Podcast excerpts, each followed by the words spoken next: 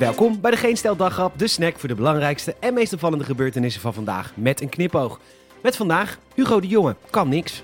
Mijn naam is Peter Bouwman en dit is het nieuws van Tweede Pinksterdag, 24 mei.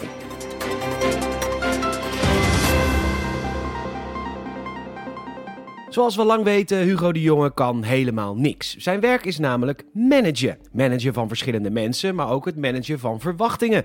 En vooral het laatste, dat kan hij niet. Vol enthousiasme schuift hij vaak in talkshows aan om middels bierviltjes berekeningen te maken die louter van het meest positieve scenario uitgaan. En hoewel het vaccineren best wel wat tempo krijgt nu, 8,5 miljoen prikken gezet, leert hij maar niet van zijn fouten.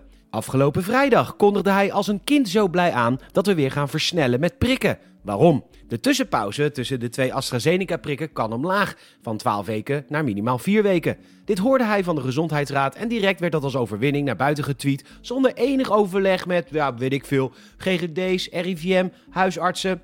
Want die versnelling die is namelijk heel moeilijk. Het RIVM meldt dat Astra belabberd levert, de, en dat het misschien naar zes weken kan. De huisartsen hebben hun handen al vol en kunnen ook lastig opschalen en nog sneller prikken.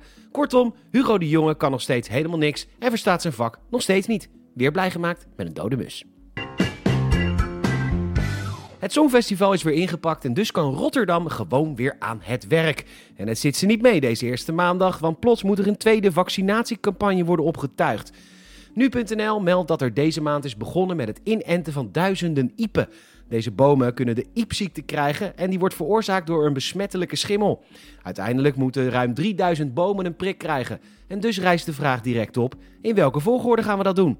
Nou, de vaccinatiestrategie is duidelijk. We beginnen met de oude bomen en bomen met onderliggend lijden. Leveringen zijn geen probleem, want ze hebben niet te maken met AstraZeneca. En de strategie wordt gewoon gevolgd. Geen plotselinge voorrang voor bomen in de zorg, nee, gewoon doorprikken.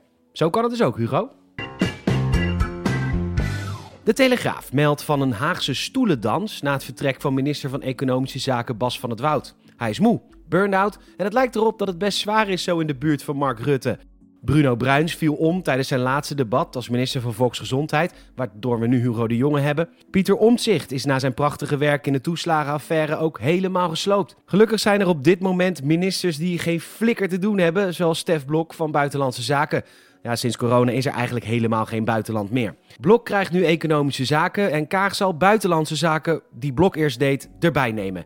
Die heeft ook geen kut meer te doen sinds ze vorige week haar gedroomde coalitie met de wereld deelde. Zij deed eerder al buitenlandse handel en ontwikkelingssamenwerking. Twee onderwerpen die sinds corona ook helemaal verdampt zijn.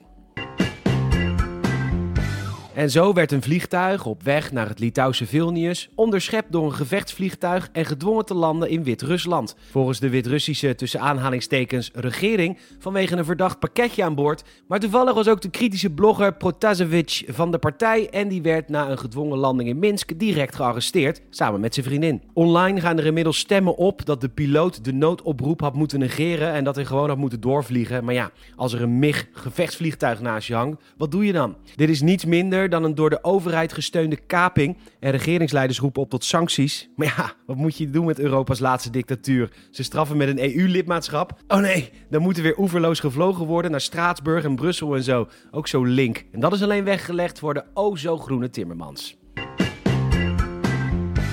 Bedankt voor het luisteren. En wie zou ons enorm helpen als je een vriend of vriendin vertelt over deze podcast.